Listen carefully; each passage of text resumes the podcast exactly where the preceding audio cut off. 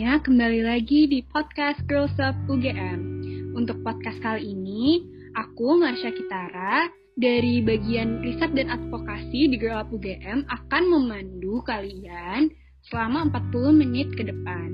Dan hari ini aku ditemenin sama Mita dari Needle and Beach.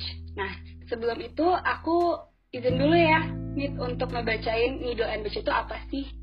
Oke, boleh, silakan. Nah, Needle and Beach ini merupakan kelompok aktivis yang berfokus pada isu-isu seksualitas, gender, dan hak atas tanah yang berpegang pada ideologi feminisme anarko. Mereka adalah kelompok otonom yang berarti tidak mendapat funding dari pihak ketiga, dan oleh karena itu mereka berkarya membuat produk-produk untuk mensupport kegiatan mereka. Kegiatan berkarya mereka tidak hanya untuk mensupport dalam bidang dana, dan pada Maret 2020 lalu mereka mengadakan forum belajar bersama mengenai kesehatan reproduksi dan workshop membuat pembalut kain untuk kelompok perempuan di Papua. Nah, pas banget karena topik ngobrol kali ini itu tentang reusable pads. Nah, mungkin uh, dari sini Mita bisa mulai menjelaskan kali ya reusable pads itu apa sih? Uh, mungkin kita berangkat dari apa yang terjadi dulu deh. Kenapa oh, kita boleh. memutuskan untuk membuat reusable pads gitu ya? Jadi apa ya ini semua berangkat dari pengalaman umum banyak orang yang aku temuin uh, bahwa mereka tidak nyaman dengan pembalut dan aku pun juga merasakan hal yang sama. Nah saya tuh pernah cek ke dokter kenapa iritasi terus dibilang ini mungkin akibat ini akibat pembalutnya. Nah dari situ kami mulai bereksperimen untuk bikin pembalut kain sendiri karena memang aku punya kesadaran untuk menjaga diriku sendiri, tubuhku sendiri gitu loh. Aku tidak mau tubuhku dilukai oleh oleh produk yang entah isinya apa itu, yang isinya macam-macam. Itu kan pembalut umum itu ada dioksinnya dan perempuan itu kan ketika menstruasi dipengaruhi oleh hormon reproduksi. Nah, itu ketika ketemu dengan pembalut sekali pakai itu sangat potensi untuk mengalami infeksi ataupun masalah masalah res, uh, reproduksi lainnya. Hmm. Jadi dari itu kami belajar, kami eksplor sendiri untuk membuat pembalut kain itu sejak sebenarnya sudah sejak tahun 2013 kalau nggak salah. Oh udah lama ya? Ya, tapi sebelum yang lain kan sekarang udah lumayan banyak nih. Cuman uh, berarti Nidland itu sudah dari lebih duluan lagi gitu uh, kita udah bikin itu tuh udah lama. Terus awalnya kita eksperimen dulu terus uh, ada juga sebenarnya pakai yang cup itu menstrual cup yang dari karet itu juga kami coba bikin tapi kami tidak berhasil uh, menurut kami dan menurut beberapa orang yang kami tanyakan tentang menstrual cup itu mereka ada kekhawatiran masalah perawanan takut merusak ke merusak keperawanan mereka Oh iya iya, itu emang jadi uh, jadi uh, kami berpikir gimana ya supaya teman-teman perempuan ini ada alternatif lain terhadap kain pembalut. Nah kami juga ngomongin pembalut kain itu bukan hanya berbasis dengan kondisi kesehatan pro perempuan karena gimana pun ya perempuan harus tahu apa yang terjadi dengan tubuhnya sendiri kan. Iya aku setuju sih setuju. Nah, jadi dari situ kami mulai bikin beberapa kali eksperimen, terus akhirnya kami berani me menjual. Nah, tapi dalam penjualan kami itu kami kami menyertakan ini, menyertakan sebuah zin. Tahu zin nggak? Aku kurang tahu tuh. Mungkin bisa dijelasin lebih dulu kak. Takutnya pendengar-pendengar juga kurang familiar sama ini. Oke, zin itu uh, terbitan kayak buklet oh iya iya uh, semacam itu yang kami kami kasih dalam pack pack pembalut itu kami kasih izin tentang menstruasi sejarah sejarah mens itu gimana. Eh pengalaman-pengalaman perkembangan pembalut kain itu seperti apa gitu. Karena sebenarnya ternyata yang terdapat di dalam pembalut sekali pakai itu adalah uh, pulp pulp uh, kertas daur ulang yang diambil dari sampah-sampah itu dan diproses lagi dan tetap dia menghasilkan dioksin. Ya, jadi latar belakangnya kurang lebih seperti itu. Jadi kalau kalau jadinya menjawab pertanyaan apa sih reusable pads itu intinya buat saya itu adalah kayak perlawanan personal perempuan terhadap tubuhnya gitu mereka nggak mau tubuhnya dibohongi oleh oleh pasar oleh pasar-pasar yang memproduksi sesuatu secara murah tapi mereka nggak konsen mereka nggak akan punya pikiran tentang kebaikan kebaikan cash flow kita. Mereka cuma intinya cari duit mereka tidak peduli apa yang dihasilkan itu akan berbahaya atau tidak yang penting mereka dapat keuntungan besar dari sana. Nah dari reusable pads itu menurutku adalah counter dari hal itu. Jadi dalam pandangan feminisme itu kalau feminisme anarkis itu merasa hal seperti itu harus dilakukan sendiri, harus diselesaikan sendiri. Kita nggak bisa minta negara gitu misalnya untuk membuat kebijakan jangan jangan jual ini lagi dong karena itu efeknya bahaya buat perempuan gitu. Tapi kalau dalam tradisi anarkis kita mengambil sendiri peran yang aktif terhadap diri kita sendiri. Nah, jadi reusable pads itu jawaban atas itu dan juga punya ini lain, punya aspek-aspek lain aspek lainnya itu misalnya seperti uh, aspek kesehatan gak tentu ya pertama itu oh, tentu. Uh, uh, uh, kedua itu dia punya manfaat mengurangi sampah pembalut hmm. karena sampah pembalut itu adalah sampah nomor kedua yang paling banyak ditim ke ketimbang dari popok. Hmm. Oh iya, pembalut lebih dari popok. Uh, bukan. Oh, kedua. Kebalik. Uh, uh, setelah popok itu baru pembalut menyumbang banyak sekali uh, banyak sekali keburukannya gitu iya, iya. aspek uh, secara aspek lingkungan uh, aspek ketiga adalah yang tadi saya sebut perempuan jadi paham sama dirinya sendiri gitu dia dia tahu apa apa yang dia butuhkan apa yang terjadi dalam tubuhnya sendiri dan bagaimana dia menyelamatkan dirinya dan teman-teman perempuan yang lainnya itu kenapa kita juga uh, suka ngomongin isu tentang menstruasi itu kayak terdengar sederhana tapi buatku itu penting banget gitu halnya sangat mendalam ya mm -hmm. aku suka banget sih tadi soalnya dengan penjualan kalian pun kalian uh, ngasih desain ya tadi yeah. yang mengedukasikan juga. Jadi kalian mengedukasikan bukan hanya Menjual. ngasih solusi namun juga istilahnya untuk ke depannya tuh juga solusi jangka panjang. Bukan cuma sekarang aja nih oh nih coba gitu kan. Tapi kita yang teredukasi kan juga jadi lebih tahu kenapa kita beli produk itu ya. Hmm. nah sama sorry satu lagi di dalam pack pembalut kita itu yang kita jual kami juga memberikan manual. Manual untuk bikin sendiri gimana? Oh, jadi iya. Iya jadi kita pengen uh, perempuan juga ketika dia sadar itu hal yang penting untuk dia lakukan ya bikin aja sendiri gitu kan. Jadi ya kamu take over sendiri gitu ke kebutuhanmu. Benar sih benar sih iya. Jadi kita nggak apa cuman profitable dong tuh kita nggak.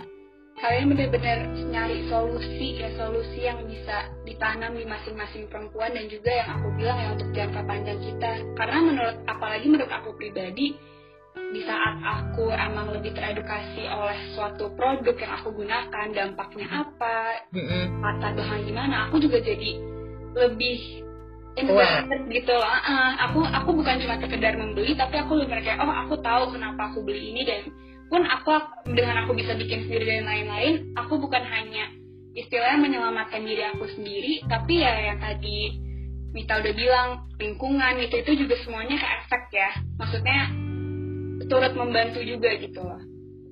Ya benar. Mm-mm. Nah berarti karena tadi kan kalau misalnya pembalut konvensional yang uh, kita basi masyarakat Indonesia pakai itu kan dia ada apa tadi ininya? Dioksin. Nah jadi ya perempuan harus tahu tahu dong apa yang terjadi sama tubuhnya gitu loh. Pasti harus harus iya. Iya.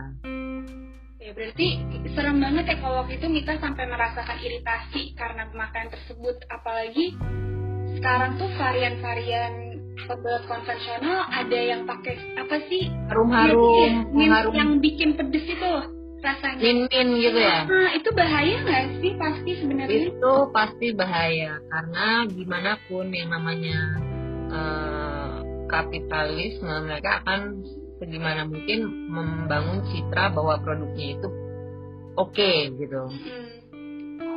mereka kayaknya mencoba ngasih unique selling point tapi tanpa kita sadari itu malah lebih bahaya bagi kesehatan kita ya. Benar. Nah berarti kalau misalnya reusable fats ini bahannya apa sih? Sebenarnya kayak uh, misal kita ngomongin bahan apa yang bisa membuat daya tampungnya tuh juga karena kan kita kalau men setiap wanita beda-beda ya hmm. terus kayak dalam misal di hari-hari yang berat kan mungkin kita bisa ganti berapa kali tuh kalau misal pads konvensional nah kalau di usable pads tuh gimana sih bahan apa yang bisa nge-combat itu semua oh oke okay. jadi bahan yang kami pakai itu pertama kain katun hmm. uh, kain katun yang halus sekali yang untuk ber dia untuk layer yang pertama paling atas yang bersentuhan sama vagina kita. Oke. Okay. Nah, pakai katun combat 30 itu itu katunnya tinggi. Hmm. Dan itu rasanya juga nyaman. Hmm. Nah, kemudian ah, setelah kaos bahannya itu kemudian handuk handuk biasa yang tebal tapi yang mengandung katun yang tinggi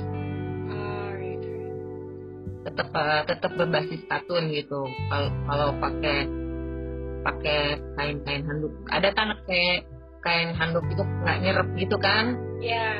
nah kita pakain uh, katun yang uh, tinggi oke okay.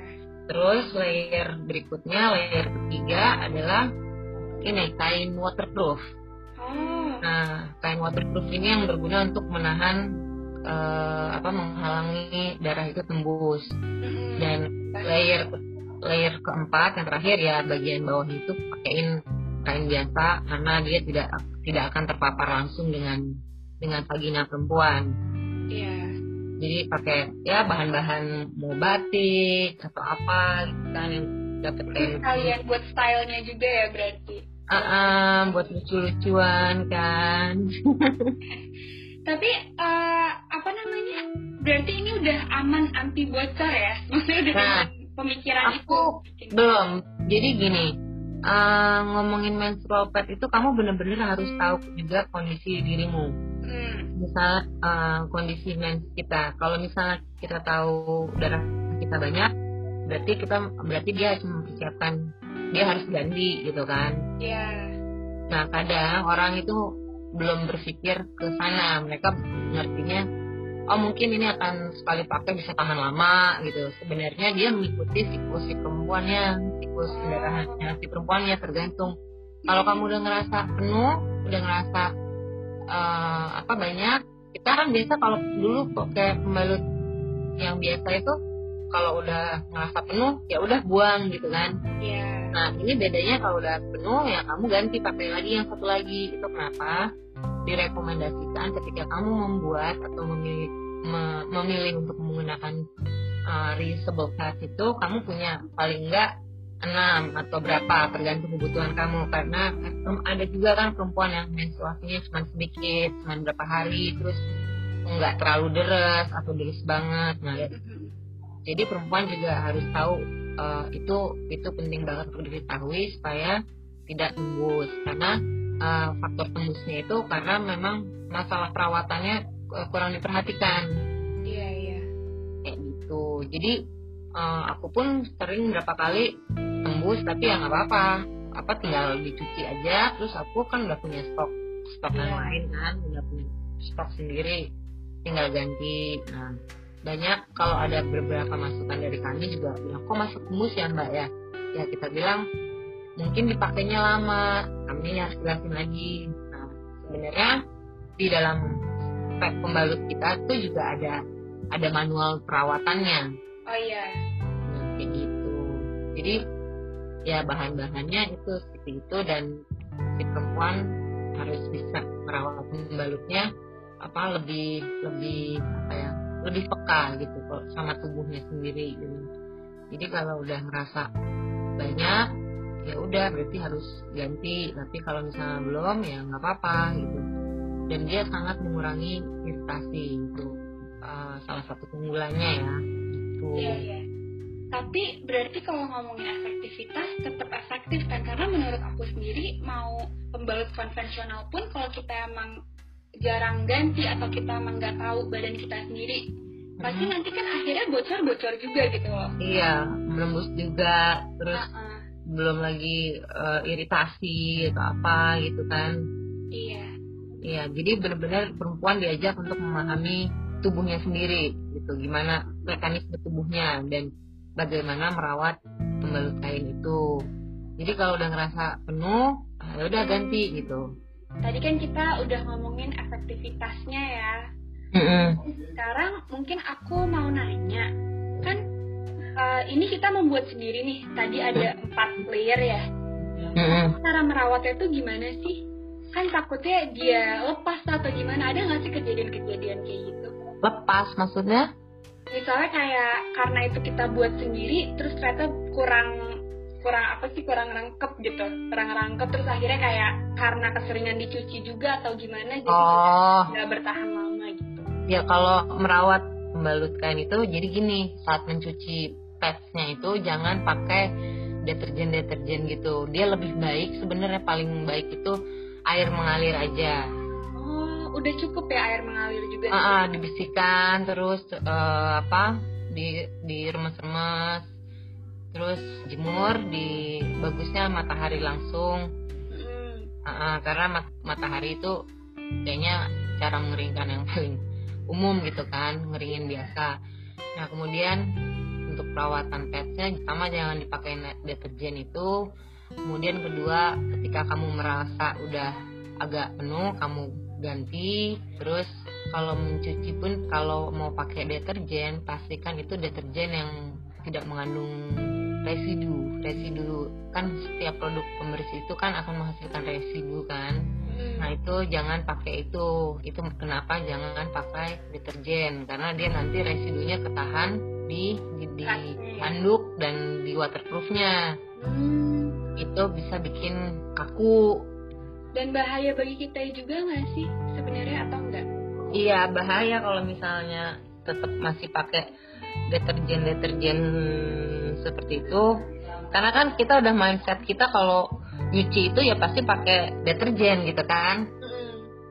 Nah jadi kalau nyucinya itu jangan jangan pakai deterjen seperti itu kecuali kamu menemukan sekarang kan juga udah mulai banyak orang yang lebih aware sama isu lingkungan gitu ya. Yeah. Uh, itu mereka bikin produk deterjen yang nggak pakai macem-macem yang nggak menghasilkan residu-residu atau perasa, pewarna atau pewangi gitu-gitu.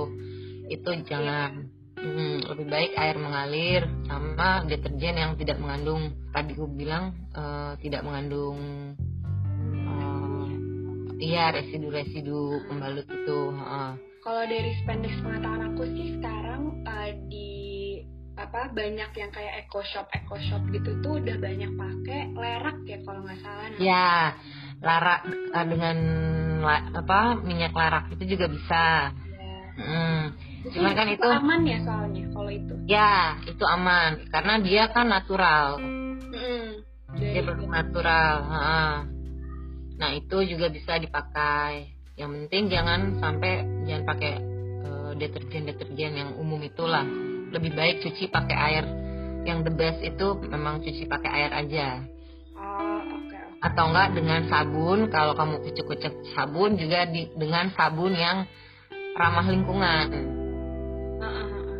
yang kayak eh, tadi ya contohnya ya teman-teman podcast hmm, ada yang pakai deterjen alternatif, sabunnya juga sabun alternatif. Pokoknya anaknya alternatif banget deh kita.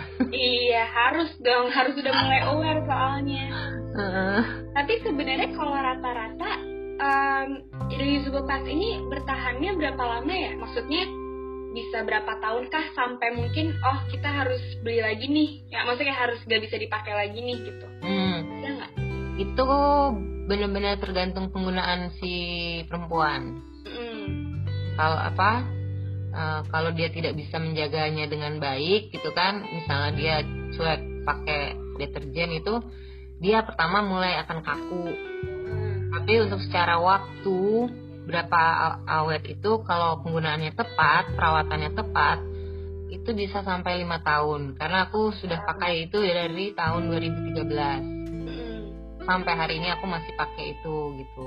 Berarti lama lama banget ya maksudnya hitungannya kebanding apa ya, pembalut konvensional gitu. Uh -uh.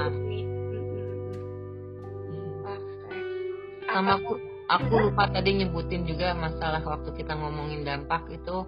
Uh-huh. bukan hanya sampah tapi uh, apa dioksin itu kan juga memicu uh, pemicu, uh, zat pemicu kanker kan. Jadi uh, kanker tertinggi di perempuan itu kanker payudara sama yang kedua kanker cervix cervix cancer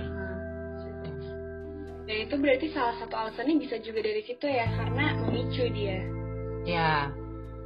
Jadi uh, apa? Tadi pertanyaanmu apa terakhir? Uh, pertanyaan aku ini uh, tahan lamanya. Oh iya. Ya, Jadi gitu. Jadi gitu memang benar-benar tergantung si perempuannya ini apakah dia bisa merawatnya dengan baik atau tidak. Tapi kalau pengalaman aku, aku bisa sampai sampai hari ini dari tahun 2013 pakai pembalut kain terus gitu. Dan aku selalu ke mana-mana kalau jalan itu bawa beberapa terus kalau udah ketemu tempat harus apa cuci gitu. Baru cuci. Ah uh, baru cuci. Nah aku pakai stok yang aku bawa yang lainnya gitu. Iya iya iya paham hmm. karena kan juga sekarang kalau aku lihat dari bentuk-bentuk reusable pads gede gampang banget dilipat udah ada ini ini udah kayak udah gampang tinggal ditaruh aja gitu kan mm -hmm. bawa ke mana-mananya juga gampang gitu. mm -hmm. iya Nah, misal aku nih, aku kan mau mulai menggunakan usable pads. Apa sih ada, maksudnya ada hal-hal yang aku perlu perlu ketahui nggak tentang nanti saat pemakaian mungkin aku kaget atau gimana selain yang udah disebutkan tadi atau udah disebutkan semua? Gimana gimana? Kak, kurang paham? Ah, apakah aku misalnya mau mulai menggunakan usable pads? Hmm? Hal-hal yang kenapa? Enggak, aku cuma aham doang. ada hal-hal yang aku perlu ketahui nggak sebelum memulai istilahnya journey aku nih dengan disebutkan ini selain yang udah disebutkan tadi? Yang paling penting ya itu tahu cara merawatnya. Mm -hmm. Itu aja sih.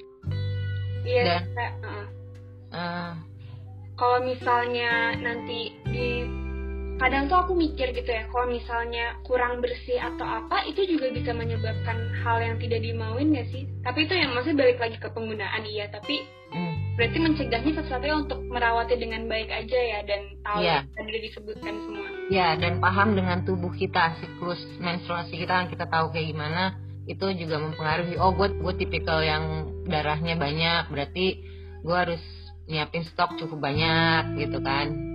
Misalnya ini hari pertama hari kedua nih lagi banyak-banyak ya berarti harus berapa stoknya makin dikit ah, ah, harus diganti berapa kali kalau lagi banyak. Hmm.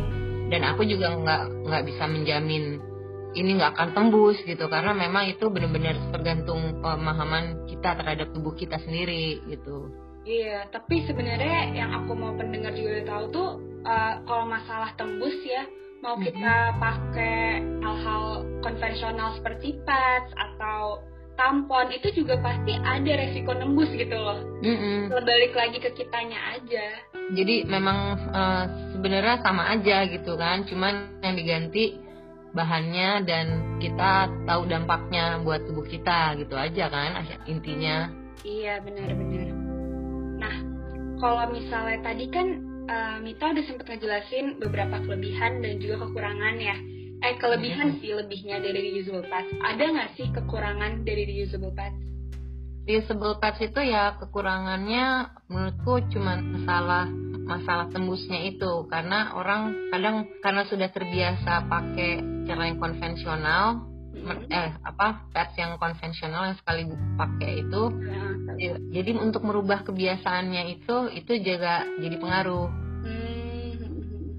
Ya kan biasa kalau men sudah ini tinggal buang gitu. Kalau pets kita aku nggak jamin 100% dia nggak akan bocor. Ini speaking the truth aja tapi bener-bener kamu harus ngerti dirimu dulu kalau untuk menghindari bocor-bocornya gitu loh untuk terkait mens pet ini ya intinya balik lagi ke diri kita aja ya masalah mm -hmm. kita mm -hmm. dan juga pengurusannya kita udah siap belum sih mengkomit untuk kayak bersih juga untuk kebaikan kita sendiri gitu kan mm-hmm. karena kan komplain orang-orang sebenarnya cuman yang bisa ngebetulin juga mereka aja mm-hmm. dan kadang juga uh, apa masalahnya yaitu karena kalau dicuci dicuci pakai deterjen atau yang lainnya ya akan kaku dia. Oh kaku ya? Jadi uh, uh, karena handuk ngikutin lagi bentuk? Uh, uh, uh, uh, nggak nggak nggak terlalu ini. Cuman itu sekali lagi berarti itu pertanda banyak residu yang ketahan di handuknya. Hmm. di antara handuk dan di antara kain waterproofnya. Tapi berarti kalau udah kaku gitu udah nggak bisa balik lagi sebelum itu ya maksudnya kayak udah masih bisa dipakai bisa cuman ya kaku gitu kan kurang nyaman jadinya. Udah nggak bisa balik kayak pas awalnya gitu. Iya uh -uh. dia karena tapi dia pelan pelan gitu makanya benar-benar tergantung si perempuannya. Oh sama satu lagi kekurangannya itu dianggap tidak efektif gitu kan. Oh karena menghabiskan lebih banyak waktu untuk mencuci efisiensi ya itu berarti uh, bagi kita ini kayak lebih ribet gitu rasanya. Iya banyak orang merasa ah ribet ah gitu. Cuman ya itu kembali keputusan tiap perempuan kan apakah dia mau kerepotan sedikit untuk kebaikan tubuhnya atau dia mau yang cepet-cepet aja tapi meresikokan tubuhnya juga. Tubuhnya dan lingkungan sekitar ya loh ini tuh dia benar-benar sampahnya itu uh, two birds with one stone gitu loh kalau kita emang mau mengalih ke kehidupan alternatif alternatif ini ya. Hmm. Uh, iya paling itu uh, apa kita butuh meluangkan sedikit waktu untuk mencuci. Mm-hmm. paling itu sih tapi menurutku itu itu lebih worth it dilakukan daripada kamu terus-terusan pakai pembalut yang konvensional. Iya benar-benar. Aku setuju banget sih kalau mengenai itu mm-hmm. uh, terus tadi kan kita pas di awal itu sempat membicarakan tentang uh, Netherlands juga sempat mau membuat menstrual cup ya. Mm-hmm. Nah, kalau misalnya kita bandingin nih reusable pads dengan menstrual cup kan kalau dari segi lingkungan itu sama-sama membantu ya, sama-sama yeah. panjang gitu. Mm-hmm. Tapi apa sih selling point reusable pads atau mungkin kelebihan ataupun kekurangannya dari menstrual cup kayak kalau dibandingin aja nih antara dua ini dan mungkin kenapa kita lebih bisa beralih ke reusable pads dulu. Misalnya pun mas kembali ke masing-masing orang, misalnya emang selling point reusable pads itu apa gitu dibanding uh, alternatif lainnya kayak menstrual cup?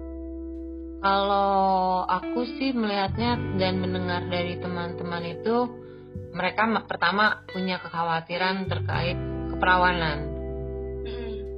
Jadi itu tidak tidak terlalu populer gitu untuk uh, ataupun tampon karena mereka punya kekhawatiran masalah selaput darahnya bagaimana jadi alternatifnya adalah mereka menggunakan yang pembalut kain saja. Iya sih, itu uh, dan juga menstrual cup itu kan masih sangat tidak umum dijual di Indonesia jadi harganya mahal sekali. Ah benar. Lumayan mahal jadi bisa alternatifnya ya pakai reusable pads ini. Mm -hmm. Belum terlalu segi harga ya. Uh -uh, belum terlalu populer juga kan karena apa kalau karena di masyarakat kita kan masih banyak yang meng, bukan mengagungkan ya tapi masih menganggap nilai keperawanan itu tuh suatu hal yang penting banget gitu loh Mm-mm, dan miskonsepsinya tuh banyak banget ya kayak apalagi dengan yang mengasosiasikannya dengan selaput darah dan lain-lain gitu kan. Kalau misalnya di Indonesia emang masih seperti itu tapi sayangnya. Ya itu juga jadi salah satu pertimbangan kami ketika kami memutuskan untuk yaudah yang menstrual pads aja gitu. Karena kita dulu sempat kayak bikin survei-survei gitu kamu lebih nyaman apa apa pakai apa gitu. Ya, apa rata-rata belum berani pakai menstrual cup karena itu isu keperawanan lah gitu. Tapi kalau bagi aku ya um, menggunakan menstrual cup menurut aku bukan bukan keperawanan sih lebih ke kalau misalnya pads kan kita menaruhnya di luar vagina kita kan hmm Sedangkan kalau menstrual cup itu di dalam, lebih ke takut kurang nyamannya itu loh. Iya, ada juga orang yang bilang gitu, rasa. Tapi kalau menurutku, kalau itu hanya masalah ngebiasain aja sih. Kalau kamu apa baru pertama-tama pakai, mungkin itu akan akan terasa sebagai sesuatu yang aneh gitu, ada benda asing masuk dalam tubuh gitu kan. Nah, jadi kesadaran seperti itunya tuh masih masih kuat banget di masyarakat kita gitu loh. Iya iya. Kalau di antara di perempuan-perempuan tuh juga seperti itu. walau sebenarnya kalau menstrual cup itu juga bagus gitu tapi kami berpikir untuk tidak memproduksi itu karena pertama kita harus cari uh, rubber medical rubber. Yes. Yang nah, aman ya yang sanitary aman. Uh, uh, re, uh, yang dari bukan sekedar rubber aja. Hmm. gitu. Iya sih, iya sih. Kok ya itu sih aku juga dengar. Maksudnya dari uh, teman-teman aku yang udah mulai menggunakan usable pads atau menstrual cup. Maksudnya keluh kesahnya kurang lebih sama lah yang menggambarkan mm-hmm. masyarakat Indonesia gitu. Tapi mm-hmm. emang kalau kata temenku buat nyaman reusable pads, cuma sekalinya udah kebiasaan menstrual cup tuh enak juga gitu. Mm-hmm uh, efisien juga kok sebenarnya. Ya. Hikmahnya aja yang masih ya. baik. Itu masalah perspektifnya aja gimana. Kalau misalnya di Indonesia, menurut Mita udah mulai naik belum sih? Tapi penjualan reusable pads kan Needle and Beach sendiri uh, udah menjual cara bikinnya dan lain-lain dan uh, reusable partsnya sendiri. Tapi maksudnya dibanding tahun 2013 nih, udah, mm -hmm. udah grafiknya udah naik belum sih dengan orang-orang udah menjual dan menggunakan reusable parts? Ya, menurut kami udah banyak ya, udah lumayan banyak orang aware sama isu lingkungan, orang udah lebih paham uh, isu kesehatannya, mm -hmm. orang jadi pelan-pelan mulai beralih ke pembalut kain. Karena juga kalau misalnya kita lihat di misalnya di toko-toko online kamu udah melihat banyak orang yang menjual. Benar-benar. Aku ya aku sendiri sadar akan hal itu sih dan udah yang menjual makin banyak juga uh, konsumernya juga udah makin naik juga ya maksudnya karena ya. kesadaran ini penggunaannya juga makin lama naik naik naik gitu iya jadi pentingnya tugas kita tugas sama teman adalah gimana sih kita coba lebih bisa nyebarin isu isu ini isu pembalut yang sehat dan dia paham cash pro nya cash pro dan dia juga paham efek lingkungannya nah hmm. itu semakin meningkat itu kenapa mungkin juga penjualannya makin tinggi gitu makin banyak. Iya iya. Kalau misalnya dari yang kenapa? Kalau yang aku tapi kalau yang aku lihat di toko-toko online gitu mereka ya hanya jual padsnya aja tapi tidak uh pakai ada manual untuk bikin sendirinya tuh gimana sih gitu loh. Iya iya. Nah tapi dari itu aku juga sebenarnya pengen tahu deh karena aku lihat juga udah jadi gitu loh. Aku tinggal beli padsnya aja. Dan benar hmm. tanpa ada uh, apa cara membuatnya dan lain-lain. Tapi cara membuatnya itu sebenarnya gimana sih? Misalnya aku mau beli dan needle and beach habis ini. Nah itu nanti dikasih tahu kan caranya. Cuman secara singkat aja mungkin Mita bisa menjelaskan kayak prosesnya. Proses bikinnya? Mm. ya pertama kita kumpulin dulu kan bahan-bahan itu. Mm. kita kita guntingin dulu pola kita gunting pola terus baru kita jahit. Dan kami juga karena apa ya keterbatasan orang juga kita biasanya kerjasama sama ibu-ibu yang dia stay at home jagain anaknya. Dan mereka kan ada sebenarnya ada ada beberapa yang punya alat jahit yeah. jadi apa penjahit. Jadi kita juga kerjasama sama ibu-ibu penjahit gitu jadi sekalian membuat lapangan kerja juga ya bagi ibu-ibu yang biasa. Uh, uh, mereka kan juga otomatis juga mikir kan ini yang gue bikin tuh apa ya gitu. Dan juga sekalian menyebar awareness itu berarti. Uh, uh. Dan apa ya itu kita karena nggak sanggup ngerjain semuanya sendiri kita kerjasama sama para ibu-ibu cuman domestik aja di rumah aja gitu loh. Nggak bisa keluar keluar karena harus jaga anak atau ya iya. kerja domestik lah. Gitu. Jadi ada si ekonominya juga ada penambahan buat si ibu ini untuk bisa punya income sendiri gitu loh. Benar benar benar.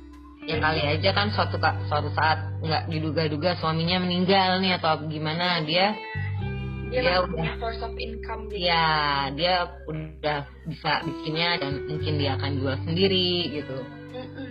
Itu bagus banget sih menurut aku. Iya, iya. karena memang yang kita istilahnya yang kita jual itu bukan bukan produknya tapi pengetahuannya. Dan kami udah mengalami berapa kali cerita mereka mengadakan workshop juga dengan manual yang dari dari kami. Oh iya, jadi ilmunya udah ke sebar ya? Uh, uh, itu yang bikin kita happy tuh sebenarnya di situ bukan harga nilai jual si patsnya itu, tapi ternyata di tempat-tempat lain mereka bikin workshop juga. Mm -mm. Nah itu yang bikin kami happy sih di situ gitu loh, ilmunya tersebar karena kita juga memberikan dalam paket itu ada buku izin tentang menstruasi. Ada manualnya juga untuk bikinnya gitu. Iya, semoga nih pendengar-pendengar podcast gelap UGM juga jadi bisa ngeliat ya di Needle and Beach tuh nanti penjualannya terus makin kesebar luas lagi ilmunya. Iya, terima kasih. Semoga. Semoga. Nah, berarti tapi kalau kita kembali lagi tadi, menurut Mita potensi kegunaan reusable pad di Indonesia untuk masa-masa ke depannya gimana sih? Maksudnya ada nggak potensinya kalau dilihat-lihat nih? Kalau aku rasa ada banget karena udah bisa kelihatan sekarang udah banyak toko-toko yang eh, menjual produk-produk ramah lingkungan kan? Iya, udah makin naik. Uh, uh, karena kesadaran ke situ juga udah rata-rata udah naik. Jadi saya aku ngelihat ke depannya itu akan menjadi salah satu alternatif juga gitu loh. Iya, benar-benar benar. Aku juga setuju sih dan semoga aja benar ya, bukan hanya jadi potensi tapi kejadian hmm. juga karena kan hmm. itu juga baiknya kembali ke individu masing-masing, apalagi terhadap perempuan mengenai reusable pads, tapi dan juga kepada lingkungan gitu. Hmm, benar. Ada aspek ekonominya juga. Iya, aspek ekonominya juga. Uh, dia bisa dia bisa aja buat kami kalau mereka bikin terus mereka jual nggak masalah. Kita justru seneng iya nah iya karena itu sih yang aku kagumin dan and Beach karena kalian bukan mentingin profit kalian tuh benar-benar mentingin kesadaran dan ilmu ini aja terhadap orang-orang amon amon makasih Nah mungkin uh, sebelum kita mengakhiri, Mita ada beberapa pesan untuk para pendengar kami. Hmm, apa ya? Ya mungkin uh, ini ngomong otoritas tubuh juga ya. Mm -mm jadi uh, dan yang ngomongin otoritas tubuh itu akan selalu juga terkait dengan politik gitu ya. Kan karena karena apa ya? Karena sepanjang sepanjang sejarah itu tuh kayaknya sejarah kita itu tubuh perempuan selalu menimbulkan intrik dan problematik ya. Mm-hmm. jadi kalau pesanku adalah perempuan memang harus kenal dengan tubuhnya sendiri dia tahu belajar untuk beralih ke menstrual pads karena dia punya kesadaran uh, yang terbangun gitu loh. Iya. Dia lebih kenal tubuhnya karena dengan menstrual pads ya kamu kayak tadi yang kita obrolin, mm-hmm. kamu tahu nih oh gue lagi uh, heavy nih, pun lagi pendarahannya lagi heavy, lagi berat besar, cucinya lebih uh, lebih cepat gitu. Jadi jadi kesadaran lingkungan ada kesadaran otoritas tubuh pengetahuan tentang tubuh dan gas pronya dapat uh, jadi itu lebih menguntungkan secara pribadi dan itu juga merupakan tindakan politik menurutku protes. Iya karena politik benar juga. tadi masalahnya ada tapi kita nggak bisa minta pemerintah untuk nggak memproduksi itu lagi. Jadi emang harus mm -hmm. jalan ya solusi. Iya. Ya harus dari kita sendiri akhirnya kan. Hmm. Kita mikirin solusinya apa yang akhirnya mungkin semoga bisa membuahi hasil yang seperti itu iya jadi memang itu bagian dari ya itu tadi pernyataan politik protes politik terhadap tubuh juga tapi itu juga adalah sebuah gerakan yang sangat feminis menurutku sangat Benar.